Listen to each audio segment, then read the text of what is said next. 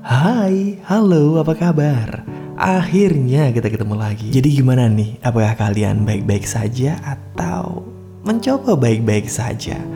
Oke, apa pun yang kalian lakukan dan apa pun yang kalian kerjakan, saya percaya bahwa itu adalah jalan hidup kalian. Oh ya, saya juga pengen ngucapin selamat puasa nih buat teman-teman yang sedang menjalankan ibadah puasa di bulan Ramadan ini. Agak beda ya? Agak beda mungkin yang sedang kangen sama keluarga ditahan, tahan deh ya. Yang pengen mudik nih, yang udah ngumpulin duit lama banget, udah deh ditahan aja, nggak usah mudik, nggak usah maksain daripada nanti kena masalah yang baru. Mending ya udah kita nikmati waktu yang ada, kita nikmati kesempatan yang ada di rumah aja dengerin Ufodang Podcast.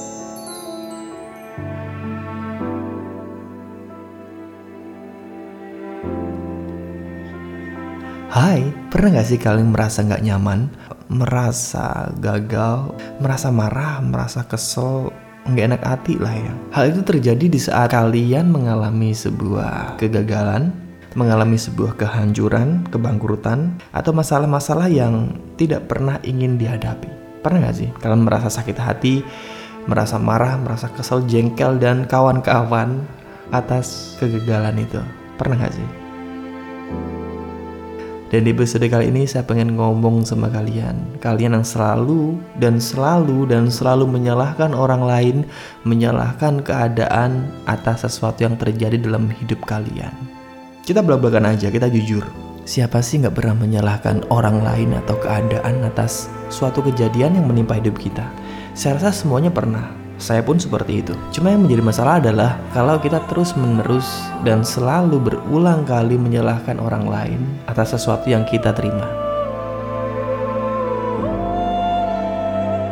Di saat perasaan kita nggak nyaman, di saat kita menghadapi sebuah kegagalan, sakit hati, dan mungkin marah, kita menyalahkan orang lain bahkan mengutuk keadaan. Kita mencoba dan selalu mencoba mencari kambing hitam.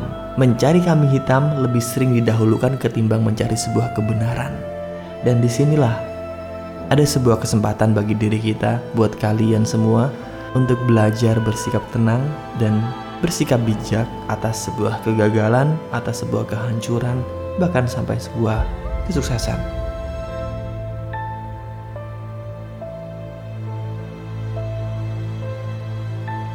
Listener, saya bukan seorang motivator. Dan saya juga tidak akan pernah ngajak kalian untuk berbicara mengenai bisnis saya nggak akan pernah mengajak kalian untuk berapi-api menjalankan sebuah bisnis yang dimulai dari mimpi. Itu bukan minat saya dan saya cuma pengen kita semua nih yang selalu mencoba mencari kambing hitam. Kita semua nih yang selalu menyalahkan orang lain. Kita semua yang selalu mengutuk sebuah keadaan. Yuk kita ngumpul bareng, kita coba berpikir bareng apa efeknya dan harus seperti apa. Di saat kita menghadapi sebuah kegagalan, Seseorang bisa memaknai hal tersebut dari dua sudut pandang, yaitu sudut pandang internal dan eksternal. Atau mungkin kalau kalian belajar psikologi, locus of control, internal and eksternal. Nah, orang dengan sudut pandang internal, mereka selalu menganggap segala sesuatu terjadi, baik itu sebuah kegagalan atau mungkin keberhasilan, mereka berasumsi bahwa faktor terbesar adalah dirinya sendiri dirinya adalah sentral dari segala macam nasib yang dia terima. Sedangkan orang dengan sudut pandang eksternal, mereka akan menganggap segala sesuatu terjadi karena kondisi di luar dirinya dan kondisi tersebut nggak pernah bisa dia kendalikan. Tapi tunggu, saya tidak akan menjelaskan secara detail mengenai locus of control internal and eksternal, tapi idealnya apabila seseorang bisa menjalankan kedua sudut pandang ini secara seimbang, jadi nggak berat sebelah. Dan mungkin kalian yang sudah nyaman dan sangat nyaman menyalahkan orang lain dan keadaan atas hal yang kalian terima, kalian akan bertanya-tanya, kenapa nih kita harus berhenti menyalahkan sesuatu? Toh, di saat saya menyalahkan sesuatu, saya merasa lebih tenang, merasa lebih lega, dan itu adalah salah satu pelampiasan saya atas sebuah kesalahan. Pertanyaan ini pasti muncul dan selalu muncul. Kenapa kita harus belajar berhenti menyalahkan orang lain? Sekali lagi saya tekankan, belajar berhenti menyalahkan orang lain, bukan berhenti menyalahkan orang lain. Kenapa saya menambahkan kosakata belajar?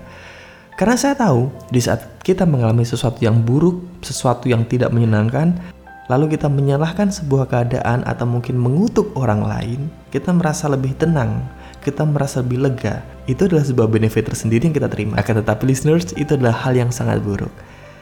Di sinilah kita harus belajar pelan-pelan berhenti menyalahkan keadaan atau mungkin orang lain. Alasannya adalah pertama, semua orang bisa melakukan kesalahan, termasuk orang-orang kita cintai. Pasangan kita, orang tua kita, saudara kita, siapa pun lah ya. Mereka adalah orang-orang berpotensi melakukan sebuah kesalahan. Kalian harus paham bahwa hubungan antar manusia tidak didasari dengan benar atau salah. Kesalahan baik itu besar atau kecil, disengaja atau nggak sengaja, itu pasti terjadi. Jadi terlepas dari ada atau enggaknya konsensus sosial melalui melalui nilai atau mungkin norma yang menentukan besar atau kecilnya kesalahan ya, semakin banyak kita menyalahkan orang lain, semakin sering kita menyalahkan keadaan, semakin susah buat diri kita berkembang. Coba kalian pikir, waktu yang kita miliki, waktu yang kita punya paling enggak habis buat mikirin orang lain, habis buat nyalahin, habis buat ngedumel, habis buat mengutuk orang lain. Ya akhirnya kita nggak ngelakuin apa pun gitu. Kita terlalu nyaman dengan sikap menyalahkan orang lain.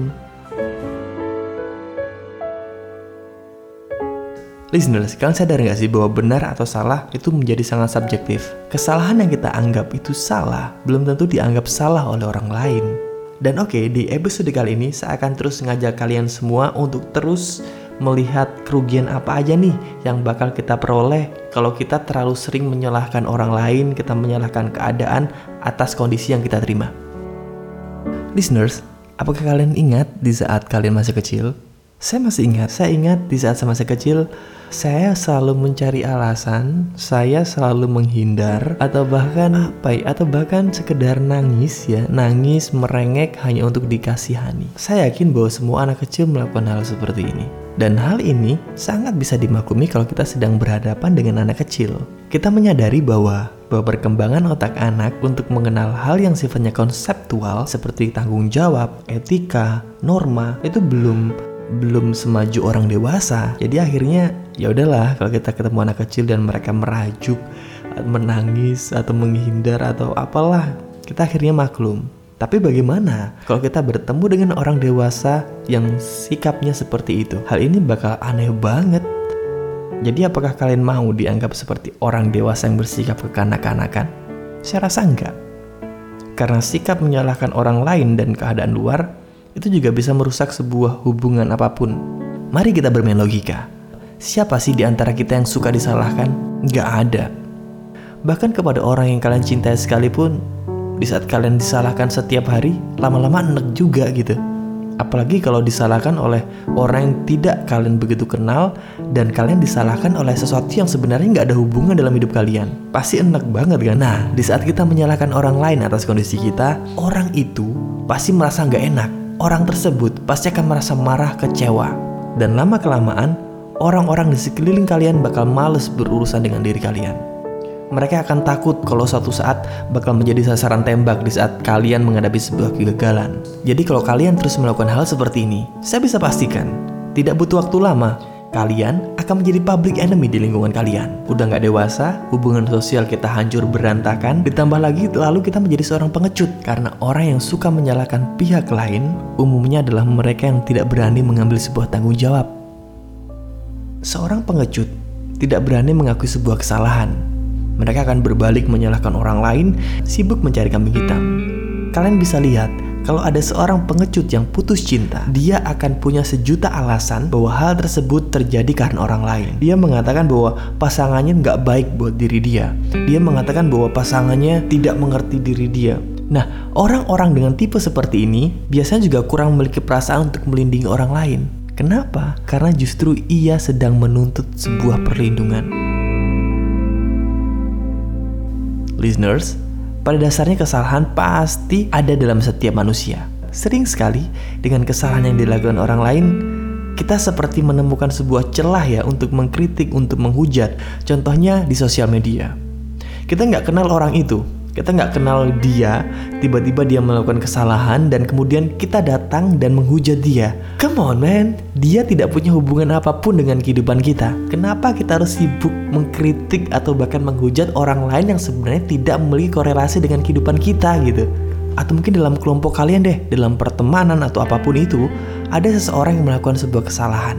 dan kalian mengkritik dia, kalian mencemooh dia, kalian memberikan sebuah kritik yang sama sekali tidak membangun, justru tanpa kalian sadari, ucapan kalian menyakiti hati dia.